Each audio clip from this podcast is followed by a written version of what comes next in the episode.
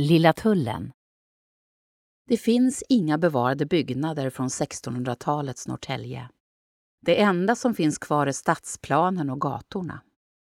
Gatunätet i Norrtälje har vuxit fram på ett naturligt sätt utan större ingrepp och regleringar. Två långa gator löper parallellt med ån, en på var sida. På några platser korsas ån av tvärgator och här och där leder gränder ner från långgatorna till ån. År 1622, samma år som staden grundades, införde Gustav II Adolf en extra avgift på all handel i riket.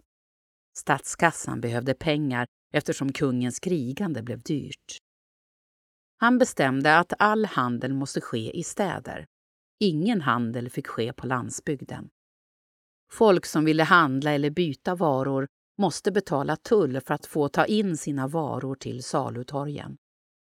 Tullen skulle betalas med en 32-del av varans värde. Kring alla städer byggdes tullstaket med tullportar där tulltjänstemän inspekterade varorna. Gatunamnen Tullportsgatan och Sjötullsgatan påminner om den tiden. Systemet tycktes fungera bra och kungen grundade förutom Norrtälje ytterligare tolv städer. Inrikestull, eller Lilla tullen, avskaffades först 1810.